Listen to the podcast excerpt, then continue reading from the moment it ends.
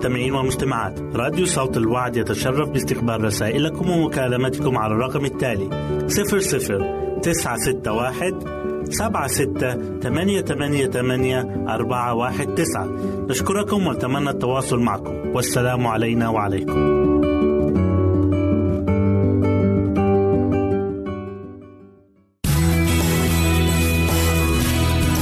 استماع وتحميل برامجنا من موقعنا على الإنترنت www.awr.org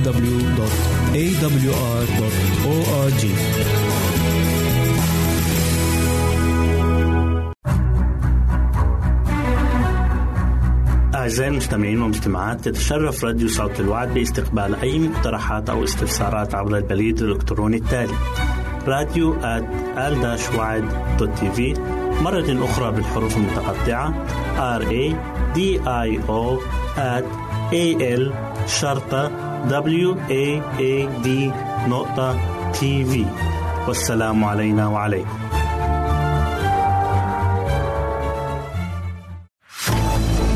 أعزائي المستمعين والمستمعات راديو صوت الوعد لا يكتفي بخدمتكم عبر الموجات الصوتية فقط بل وإنه يطرح لكم موقعا إلكترونيا يمكنكم من خلاله مشاهدة أجمل البرامج الدينية الثقافية الاجتماعية وغيرها من المواضيع الشيقة. يمكنكم زيارة الموقع من خلال العنوان التالي www.al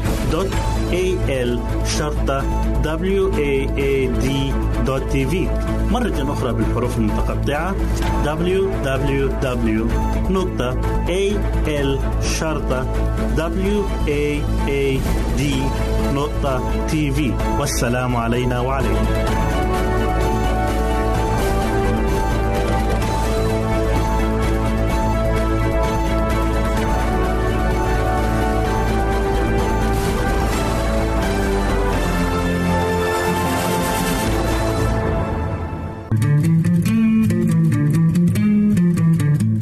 تستمعون إلى إذاعة صوت الوعد.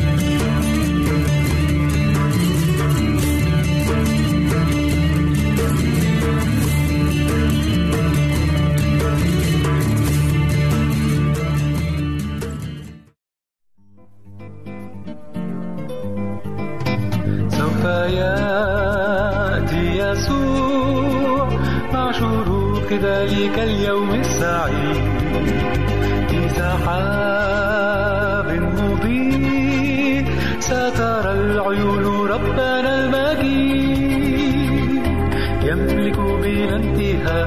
عهده بلا انقضاء وتحيط عرشه القلوب. يرجع الحق والنور يهزم كل الشرور وتعظم اسمه الشعوب النجوم والبحور تعلن مجد وقوة الإله الورود والصقور صنعت كل الخليقة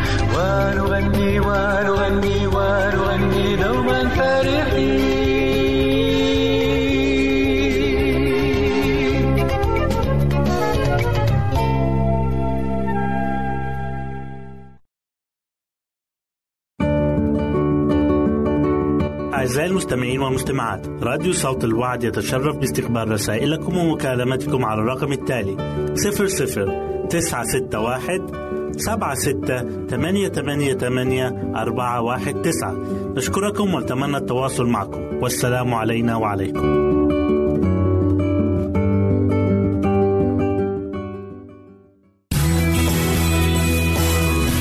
يمكنك استماع وتحميل برامجنا من موقعنا على الإنترنت. www.awr.org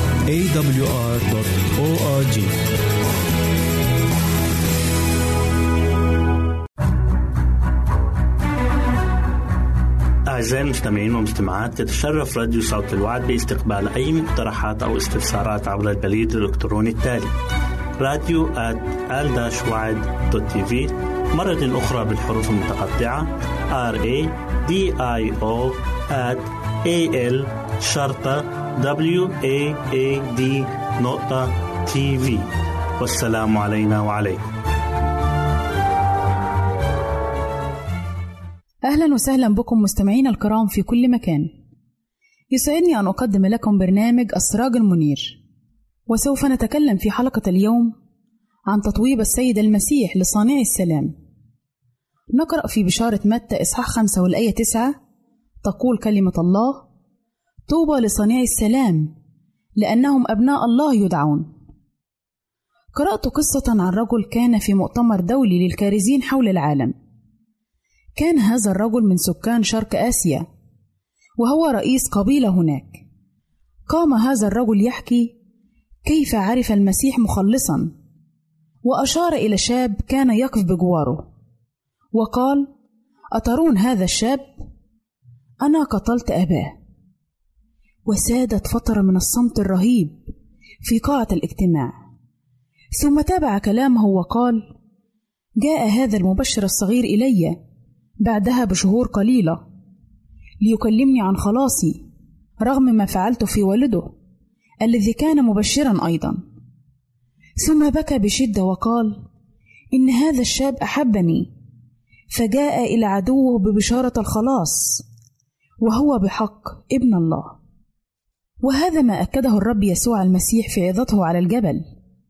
إذ مدح وطوب كل من يحب ويصنع سلاما. فوصف هؤلاء بأنهم أبناء الله يدعون. هل أنا وأنت أحد هؤلاء؟ لقد فقد العالم مصدر الهدوء والاستقرار بسبب ابتعاده عن ربنا ومخلصنا يسوع المسيح. المكتوب عنه في رسالة أفسس إصحاح 2 والآية 14 هو سلامنا. فزاد بين سكان العالم الحروب والتناحر والقتال والإرهاب. فتم القول المكتوب في سفر أشعياء إصحاح 57 والآية 14 ليس سلام قال إلهي للأشرار. وأيضا في سفر أشعياء إصحاح 59 والآية 8 تقول كلمة الله طريق السلام لم يعرفوه. فهل يا ترى يوجد من يصنع سلاما وسط هذا العالم المنزعج؟ لماذا يعيش معظم الناس بلا سلام؟ بل صانعي آلام. لأن رئيس هذا العالم هو إبليس الذي قال عنه الكتاب المقدس في إنجيل يوحنا اصحاح 8 والآية 44 ذاك كان قتالا للناس من البدء والشيطان يذيع الفوضى والكراهية بين تابعيه. هذا ما أكده الرب يسوع عندما قال لليهود الأشرار أنتم من أب هو إبليس وشهوات أبيكم تريدون أن تعملوا. الرب يسوع هو رب السلام وجاء من أجل السلام وعندما يمتلئ القلب بالمسيح رب السلام يفيض القلب سلاما وهدوءا مع نفسه ومع من حوله. وعندما يملك الروح القدس في الحياة يفيض ثمره الكثير في الحياة والتي هي محبة فرح سلام.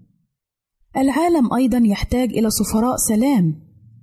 يمتلئ بسلام الله ويزرعوا وينشروا السلام هنا وهناك بل يقود الآخرين إلى رب السلام. كل مؤمن بالله يدعى صانع سلام. علينا أن نخبر الناس من حولنا عن مصدر السلام وطريق السلام. يقول الكتاب المقدس في رسالة روميا إصحاح 10 والآية 15 ما أجمل أقدام المبشرين بالسلام المبشرين بالخيرات. لذلك يشجعنا أيضا الكتاب المقدس على فم الرسول بولس بالقول في سفر روميا إصحاح 12 والآية 18 إن كان ممكنا فحسب طاقتكم سالموا جميع الناس. وأيضا في سفر العبرانيين إصحاح 12 والآية 14 يقول اتبعوا السلام مع الجميع. السلام مع الأحباء ومع الأعداء أيضا. لا بد أن نحذر ونبتعد عن الوشاية ونقل الكلام وزرع الخصومات بين الناس. الأمر الذي يسبب بكل تأكيد الكراهية وامتلاء الصدور بالغضب. فهناك للأسف من يحبون النميمة وينزلقوا فيها ولذلك يحذرنا سليمان الحكيم من النمام. قائلا في سفر الأمثال إصحاح 26 والآية 20 بعدم الحطب تنطفئ النار وحيث لا نمام يهدأ الخصام. فما أكثر الذين سببوا دمارا وخرابا في بيوت بسبب نميمتهم. أما صانع السلام يطوبهم رب المجد يسوع المسيح قائلا لأنهم أبناء الله يدعون. ما أجمل وما أروع هذا التقييم والتقدير الإلهي لمن يصنعون السلام ويجدون في أثره. حتى أن المسيح في عظته على الجبل لقبهم أنهم بحق أبناء الله. لكن ترى ماذا يعني هذا الوصف؟ الابن يشبه أباه فإن كان الله بحق هو أبونا السماوي فلا بد أن نكون مثله. فالله أبونا هو رب السلام وإله السلام فكل من يشيع السلام ويعمله هو واحد من أبناء الله. والرسول يوحنا يؤكد على هذا قائلا في يوحنا الأولى إصحاح أربعة والآية سبعة إذ يقول وكل من يحب فقد ولد من الله ويعرف الله ومن لا يحب لم يعرف الله لأن الله محبة. لقد أكد السيد المسيح أن أولاد الله يختلفون في سلوكهم وتصرفاتهم. من جهة من يكرهونهم ويضطهدونهم. سلوكا راقيا لا يعرفه ولا يقدر على مسلكه إلا أبناء الله. لذا قال في إنجيل متى إصحاح خمسة والآية 44 وأما أنا فأقول لكم أحبوا أعداءكم باركوا لاعنيكم احسنوا إلى مبغضيكم وصلوا لأجل الذين يسوءون إليكم ويطردونكم لكي تكونوا أبناء أبيكم الذي في السماوات. أعزائي المستمعين هذه دعوة لكم من الرب أن تصنعوا سلاما مع الجميع وأن تطلبوا السلامة وتسعوا وراءها. إلى هنا نأتي أعزائي لنهاية برنامجنا السراج المنير. نسعد بتلقي آرائكم ومقترحاتكم وتعليقاتكم وإلى لقاء آخر على أمل أن نلتقي بكم. تقبلوا مني ومن أسرة البرنامج. أرق وأطيب تحية. أعزائي المستمعين والمستمعات راديو صوت الوعد لا يكتفي بخدمتكم عبر الموجات الصوتية فقط بل وإنه يطرح لكم موقعا إلكترونيا يمكنكم من خلاله مشاهدة أجمل البرامج الدينية الثقافية الاجتماعية وغيرها من المواضيع الشيقة. يمكنكم زيارة الموقع من خلال العنوان التالي www.al-waad.tv مرة أخرى بالحروف المتقطعة www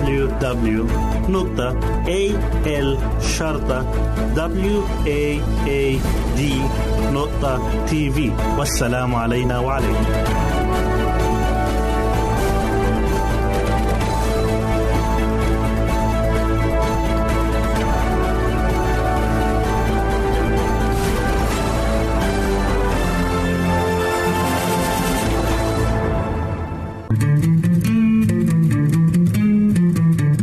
أنتم تستمعون إلى إذاعة صوت الوعد.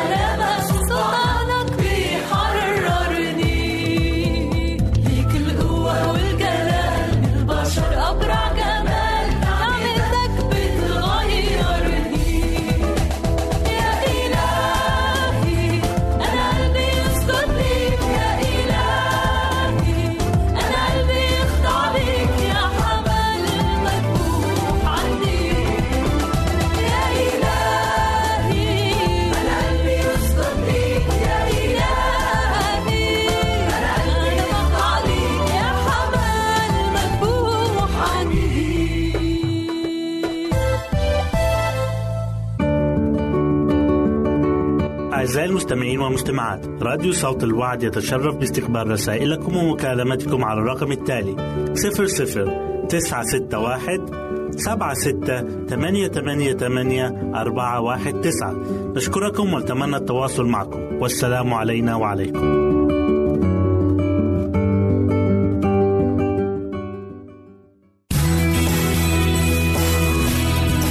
استماع وتحميل برامجنا من موقعنا على الإنترنت www.awr.org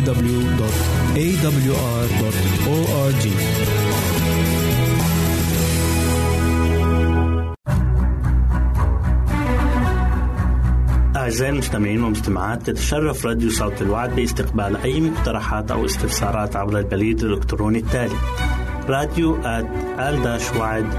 في مرة أخرى بالحروف المتقطعة.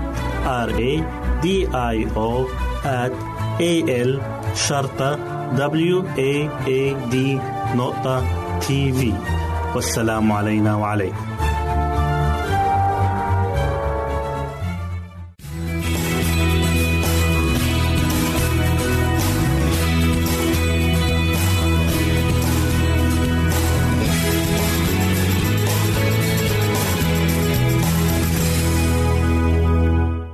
وسهلا بكم مستمعين الكرام.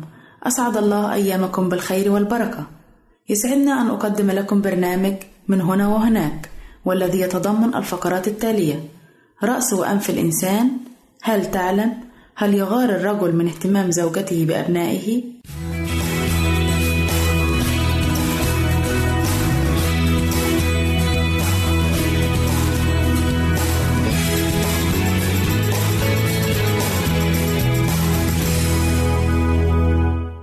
فقراتنا هي رأس وأنف الإنسان. تتمثل عجائب قدرة الله في الكون وما فيه فكل ما نراه في حياتنا يدلنا على قدرته وعظمته في خلقه. ومن ذلك الإنسان ففيه من المعجزات والعجائب التي لا يمكن حصرها فهو على الرغم من صغره بالنسبة لغيره من الكائنات إلا أن جسمه يحوي أجهزة معقدة لا يمكن تصورها. تجعل من يعرفها يزيد من إيمانه وتقربه من الله سبحانه وتعالى فهو الذي خلقه في أحسن صورة وأفضل مثال. ففي جسمه أجهزة لكل منها دور حيوي وتعمل وفق نظام دقيق للحفاظ على حياته. ومن ذلك وجود 360 مفصلا في جميع أنحاء جسم الإنسان ولكل منها وظيفة تقوم بها. وفيه ما يقارب من 60 مليون خلية وإن خلايا التذوق عنده تتغير كل سبعة أيام ليبقى التذوق فعالا. والغشاء المبطن في المعدة يحفظ المعدة ولولا وجوده لهضمت المعدة مع الطعام. وحتى يستطيع المشي يتطلب ذلك تناسقا دقيقا بين مئتي عضلة في كل خطوة ليتحرك. وقد وضع الله في الإنسان أربعة سوائل مختلفة في رأسه. يا لقدرة الله وعظمته. فقد أبدع في خلقه للإنسان. فهذه السوائل الأربعة هي سائل مالح في العينين يمنعها من التيبس. وسائل عذب في فمه ليسوغ له الطعام والشراب. وسائل لزج في أنفه ليكف الغبار. وسائل مر في أذنه ليحميه من الحشرات. عظيمة هي خليقة الله. رأس الإنسان. أن الله الخالق جعل رأس الإنسان يحتوي على ما يقارب 300 ألف شعرة وكل شعرة تحتوي على شريان لتوصيل الدم المحمل بالغذاء والأكسجين لهذه الشعرة. كما يحتوي على وريد لينقل الفضلات وثاني أكسيد الكربون وتحتوي على عصب وعضلة وغدة دهنية وغدة صبغية لإنتاج المادة المسؤولة عن إعطاء الألوان المختلفة للشعرة. ولكن لا تحتوي هذه الشعرة على عصب حسي. وهذا من عظيم قدرة الله كلي القدرة ورحمته بالإنسان. فالإنسان يتخلص من الكثير من الشعر الذي يسقط من رأسه بشكل طبيعي أو يقصه عند الحلاق. فلو كان هناك عصب حسي لتألم الإنسان كلما سقطت شعرة من رأسه. أنف الإنسان. يحتوي أنف الإنسان على عشرين مليون خلية عصبية متخصصة بالشم وكل خلية منها تحتوي على سبعة أهداب. وهذه الأهداب مغموسة بمادة تتفاعل عندما يشم الإنسان رائحة ما وينتج من التفاعل شكل هندسي ينقله العصب إلى الدماغ ليشحنه. وتوجد في الدماغ ذاكرة تختص بالشم والروائح فتتم مقارنة هذا التفاعل مع التفاعلات الموجودة في الذاكرة. وعند مطابقتها لإحداها يطلق الدماغ ردا بشأن تلك الرائحة. وكل هذا يحدث بوقت قليل جدا لدرجة أن الإنسان لا يشعر بهذا الوقت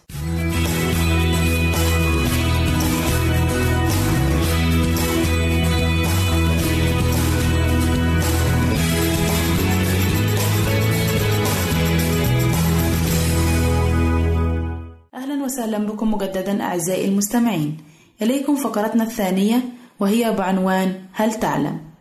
هل تعلم أن مياه الأمطار التي تأتي من السحب هي أنقى أنواع الماء على وجه الأرض؟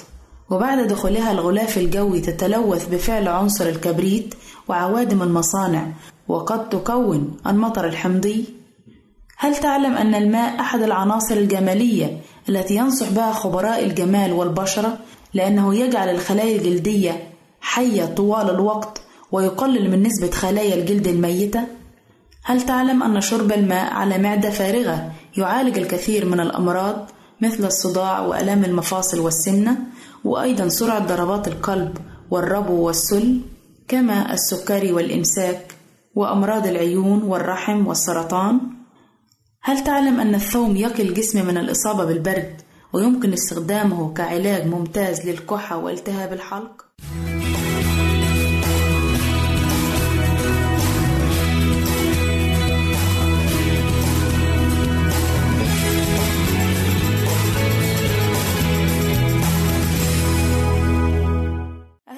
أهلا بكم مجددا أعزائي المستمعين إليكم فقرتنا الأخيرة وهي بعنوان اهتمام الزوجة بأبنائها أكثر من زوجها هل يغار الرجل بالفعل من اهتمام زوجته بأبنائه؟ وإلى أي مدى نستطيع القول أن هذا الأمر شائع في الحياة الأسرية؟ وكيف يؤثر فيها؟ وماذا يقول الأزواج في هذا الشأن؟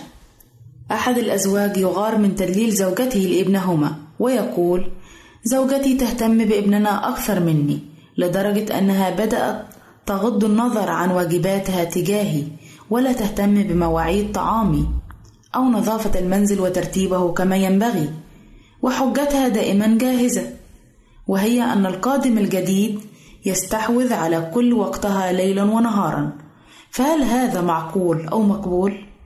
إن اهتمام الأم بالطفل شيء طبيعي ومطلوب من كل أم وهي غريزة وضعها الله في المرأة تنشأ معها منذ الصغر. ولكن لابد أن تقوم الزوجة الذكية بالتوازن بين الطرفين الزوج والأولاد وأن تعود الأطفال الصغار على أن يعتمدوا على أنفسهم خاصة في الأوقات التي يحتاج فيها الزوج زوجته. كما يجب أن يدرك الزوج أنه لابد أن يقوم بمساعدة زوجته في رعاية الطفل خاصة في الشهور الأولى. وأن انصرافها عنه تجاه طفلهما يحدث من واقع حرصها على ابنهما الذي هو ابنه في نفس الوقت. وإنها لا تقصد أن تنصرف عنه في هذه المرحلة إنما الظروف هي التي تجبرها على ذلك. وتشير خبيرة في العلاقات الأسرية إلى أن الزوج لو قام بدوره تجاه المولود الجديد وشارك الأم في تحمل أعبائه مثل مشاركتها على قدر المستطاع فإن ذلك سيوفر لها بعض الوقت. الذي تستطيع من خلاله القيام بواجبات الزوج. ومن المهم في هذه المرحلة أن يتحاور الزوجان في كيفية إدارة حياتهما. إن التعاون بين شريكي الحياة وتقاسم الأعباء المنزلية من الأمور الحيوية ويجب أن تكون متبادلة بين زوجين محبين. كما يتقاسمون الابتسامة يتقاسمون المسؤوليات. إن مساعدة الرجل لزوجته لها أثارها الإيجابية. وهي لا تنعكس على راحة شريكة حياته فحسب بل على علاقته بها أيضا. وكذلك على الأبناء الذين يصبحون أكثر تقبلا لهذه العادة. إلى هنا نأتي أعزائي إلى نهاية برنامجنا من هنا وهناك. والذي نأمل أن يكون قد نال إعجابكم.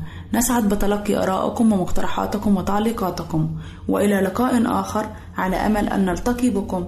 تقبلوا مني ومن أسرة البرنامج. أرق وأطيب تحية. وسلام الله معكم.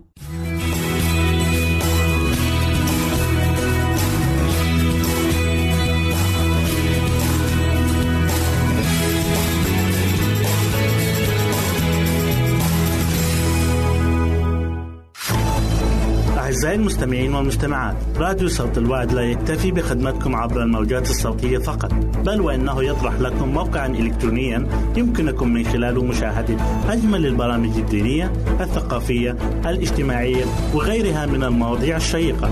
يمكنكم زيارة الموقع من خلال العنوان التالي www.al-waad.tv مرة أخرى بالحروف المتقطعة www.al-waad.tv والسلام علينا وعليكم.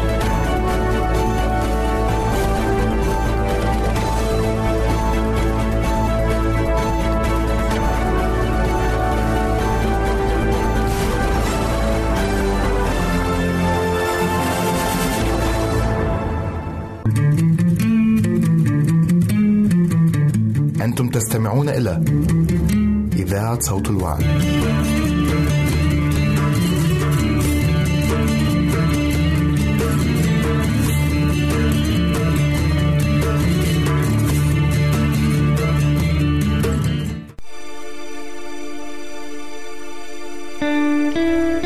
النجاح للنجاح قصة حلوة طويلة مع الكد والجد والنصرة هي وجه العملة الآخر للجهاد والكفاح. لكن بيننا من يتكلمون عن روعة النجاح وقلوبهم تصرخ من لوعة الفشل. البعض منهمك يعزف لحن هزيمته في معركة نصرة المسيح العظيمة وينشد قرار انكساره في قلب ترنيمة الرب الرائعة.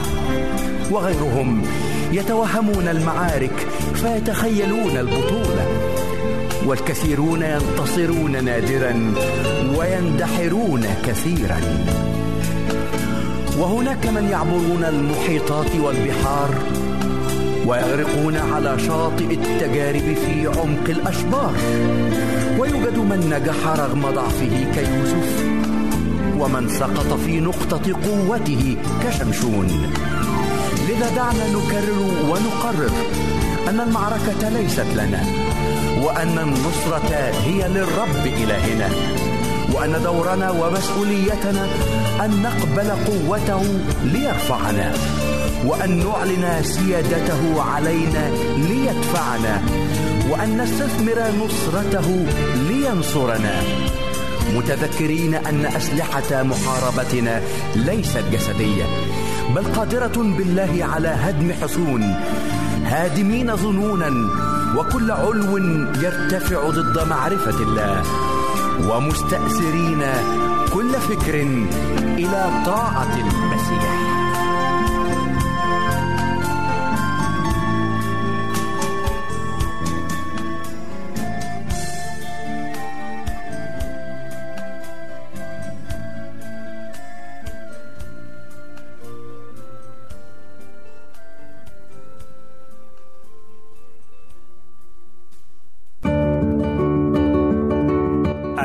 أعزائي المستمعين والمستمعات راديو صوت الوعد يتشرف باستقبال رسائلكم ومكالمتكم على الرقم التالي 00 961 سبعة ستة ثمانية ثمانية ثمانية أربعة واحد تسعة.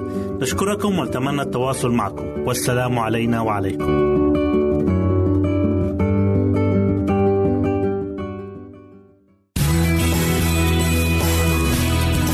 استماع وتحميل برامجنا من موقعنا على الإنترنت www.awr.org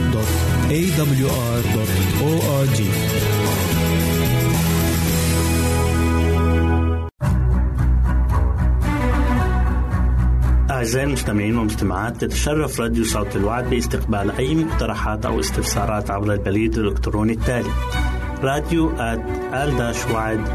في مرة أخرى بالحروف المتقطعة R A D I O at A L شرطة W A A D نقطة تي في والسلام علينا وعليكم.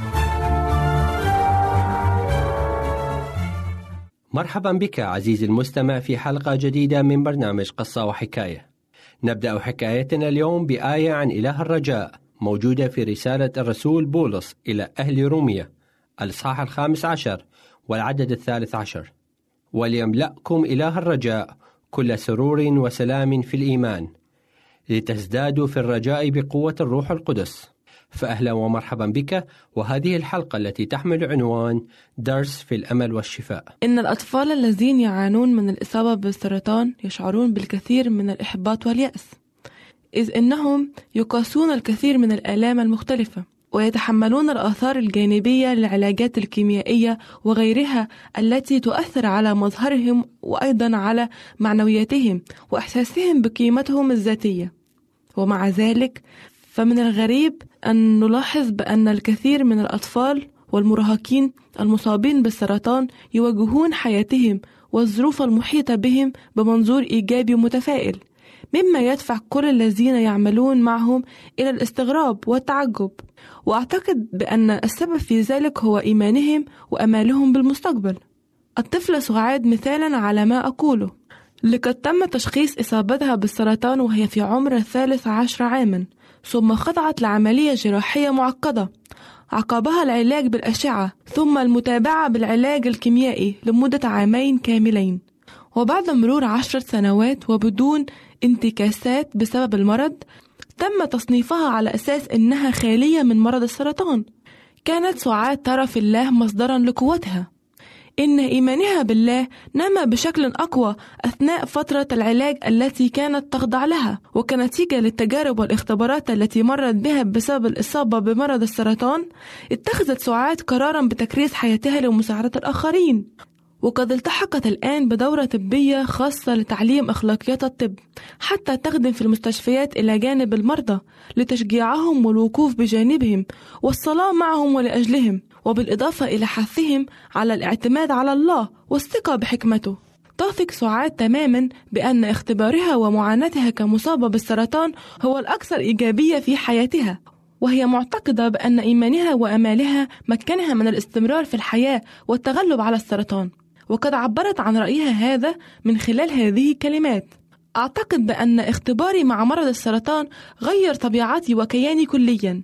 أصبحت أقدر الحياة بشكل أكبر وابتدأت أستمتع بالأمور الصغيرة في حياتي كاستنشاق عطر الزهور أو التأمل في مناظر شروق أو غروب الشمس. وإذا سألوني أعتقد أن أغلب الناس يعقدون حياتهم بأنفسهم. على كل واحد منا أن يستمتع بكل يوم من الأيام التي يمنحنا الله إياها. كلما أشعر باليأس والفشل أو أن أكون على شفير الانهيار بسبب الضغوط والمشاكل في حياتي أتذكر موقف سعاد ونظرتها للحياة. عندها وبكل بساطة لا أستطيع أن أشعر بالحزن أو الأسى على نفسي عندما أتأمل في شجاعتها وتفاؤلها. إن حياتها درس فعال في الأمل والشفاء.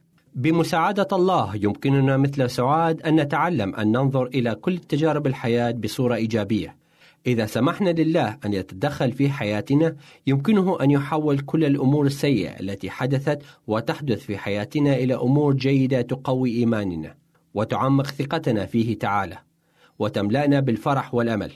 في نهاية هذا اللقاء أطلب منك أن تردد خلفي كلمات الآية الجميلة المذكورة في الرسالة إلى أهل روميا الإصحاح الخامس عشر والآية الثالثة عشر والتي تقول وليملأكم إله الرجاء كل سرور وسلام في الإيمان لتزدادوا في الرجاء بقوة الروح القدس. لكم مني أنا يوسف حبيب أحلى الأمنيات وإلى حكاية جديدة. أعزائي المستمعين والمستمعات راديو صوت الوعد لا يكتفي بخدمتكم عبر الموجات الصوتية فقط بل وإنه يطرح لكم موقعا إلكترونيا يمكنكم من خلاله مشاهدة أجمل البرامج الدينية الثقافية الاجتماعية وغيرها من المواضيع الشيقة.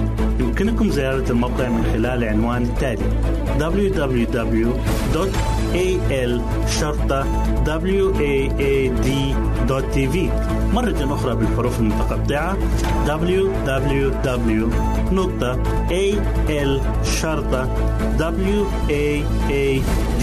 www.al-waad.tv والسلام علينا وعليكم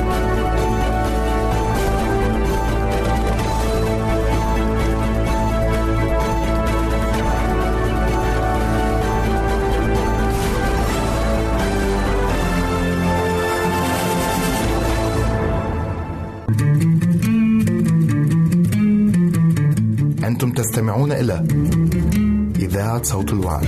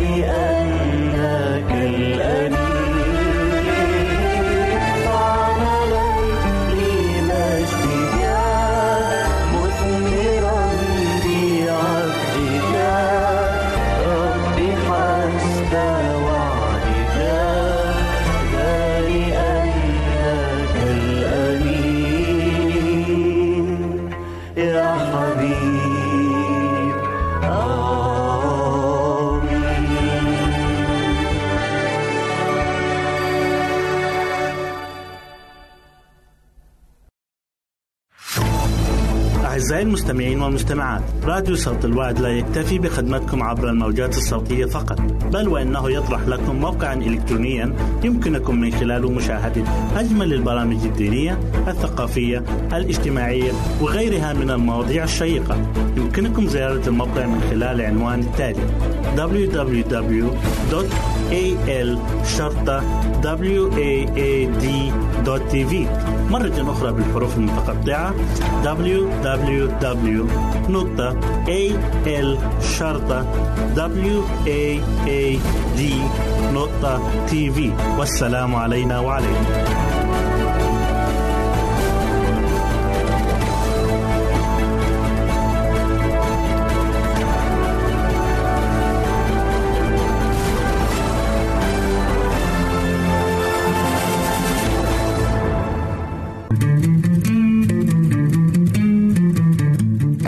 تستمعون إلى إذاعة صوت الوعي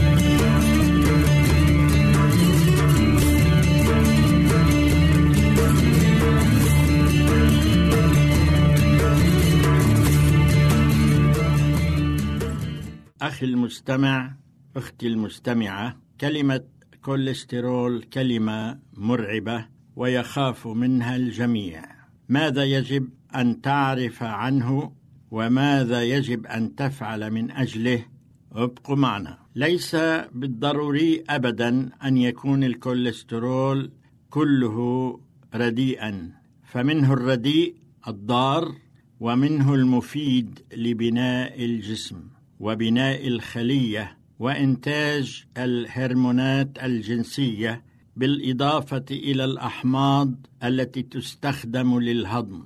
لماذا تكون لهذه المادة سمعتها الرديئة؟ لا شك أن الكثير منها يتلف الشرايين ويؤذي القلب مما يقود إلى الجلطة أو السكتة القلبية.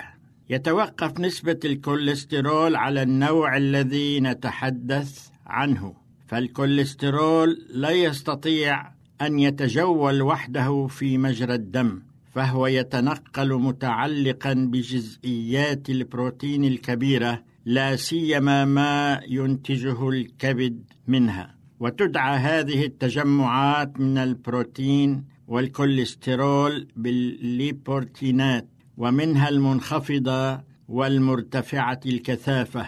ومجموع هذين النوعين من الليبوبروتينات المنخفضة والمرتفعة في الدم هو الذي يحدد مستوى الكوليسترول في الدم. تنتقل الليبوبروتينات المنخفضة الكثافة بين الكبد وخلايا الجسم وتستخدم الخلايا جزءا من هذا الكوليسترول. ولكن إذا بقي الكثير منه متنقلا وعائما فهذا يعني أن مستويات الليبورتينات المنخفضة الكثافة هي مرتفعة. وهو بذلك يتراكم على جدران الشرايين وهذا ما يدعى بالكوليسترول الرديء.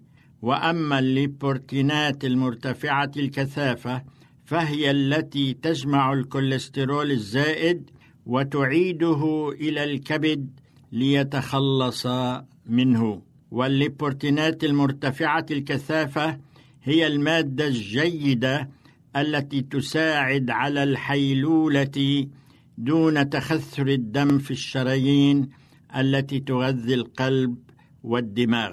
ومقدار ما لديك من الليبورتينات المنخفضة أو المرتفعة الكثافة يتوقف على غذائك ونمط حياتك والوراثة.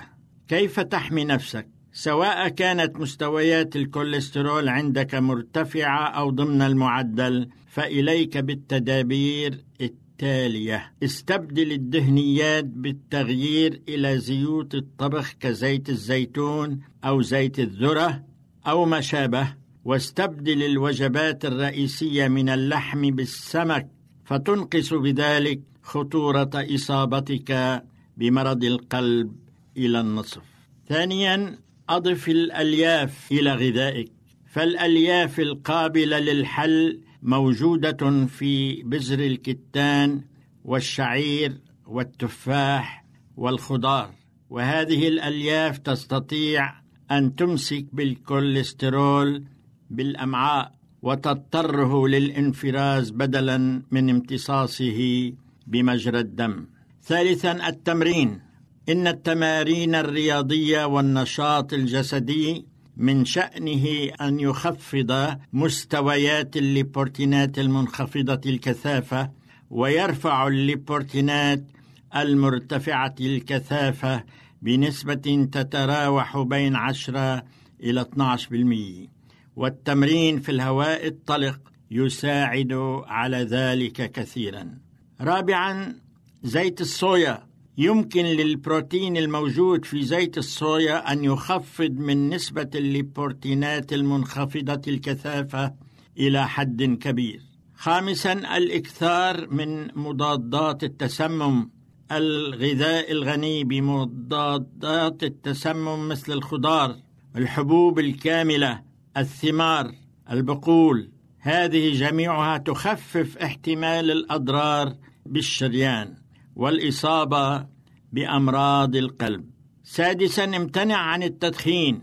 التدخين يرفع من نسبة الكوليسترول والليبورتينات المنخفضة الكثافة ويضيق خلايا الدم. وهذا من شأنه أن يزيد احتمالات النوبة القلبية. أضف إلى هذا أن سيجارة واحدة تزيد ضربات قلبك عشر ضربات بالدقيقة. فالقلب يعمل بجهد أكثر لأن الأكسجين أقل والشرايين أضيق بسبب الكوليسترول. وهنا ترتفع نسبة النوبات القلبية أو ما يسمى بالجلطة. سابعا تناول الأسبرين. توصي الرابطة الأمريكية لمعالجة القلب باستعمال أسبرين الأطفال حبة في اليوم. حيث تساعد الدم على السيلان. أخي وأختي المستمعين إذا كنت أو كنت من المهتمين بصحتكم وتريدون أن تبعدوا عن أنفسكم خطر الإصابة بالجلطة وارتفاع نسبة الكوليسترول الضار تذكر أولا أن تتوقف عن التدخين إن كنت مدخنا ثانيا ليكن وزنك في المستوى العادي. ثالثا تدرب 30 دقيقة في اليوم. رابعا تأكد أن ضغط الدم طبيعي. خامسا هل تعاني من السكر وأمراض الكلى؟ سادسا هل في عائلتك من أصيب بنوبات قلبية قبل سن الخمسة وخمسين؟ أنت طبيب نفسك ولا أحد يستطيع أن يساعدك أكثر مما تستطيعه أنت كان معكم شحاد الحلبي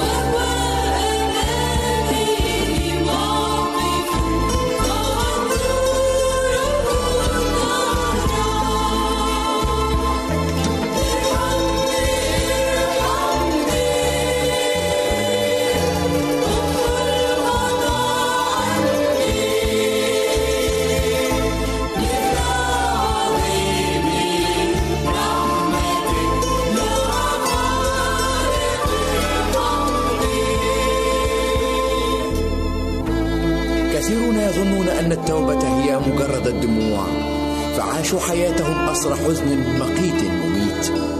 بينما اعتقد البعض أن التوبة مجرد الاعتراف بالخطية فكان اعترافهم دليل توبتهم.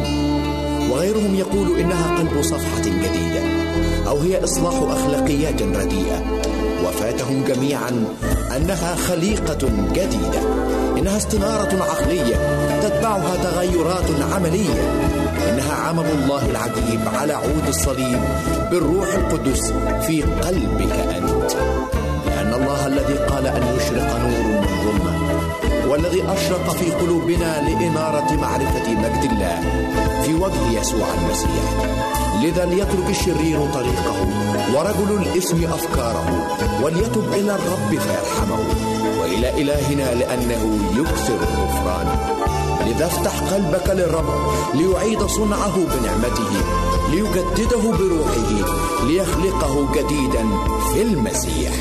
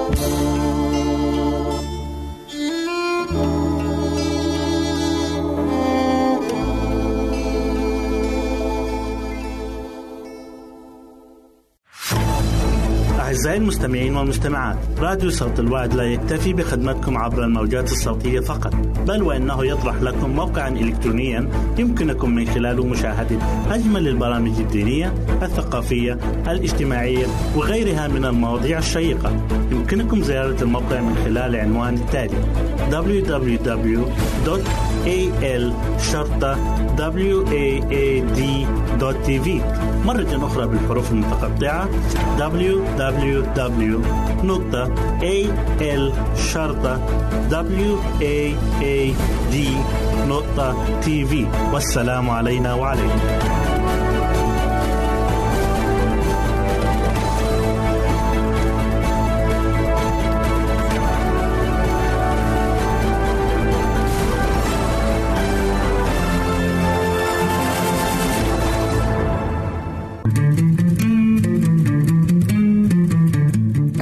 تستمعون إلى إذاعة صوت الوعد.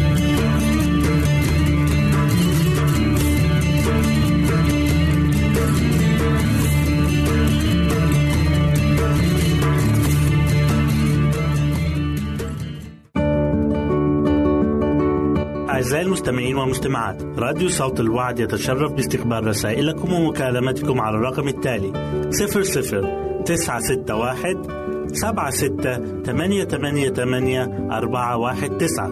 نشكركم ونتمنى التواصل معكم. والسلام علينا وعليكم.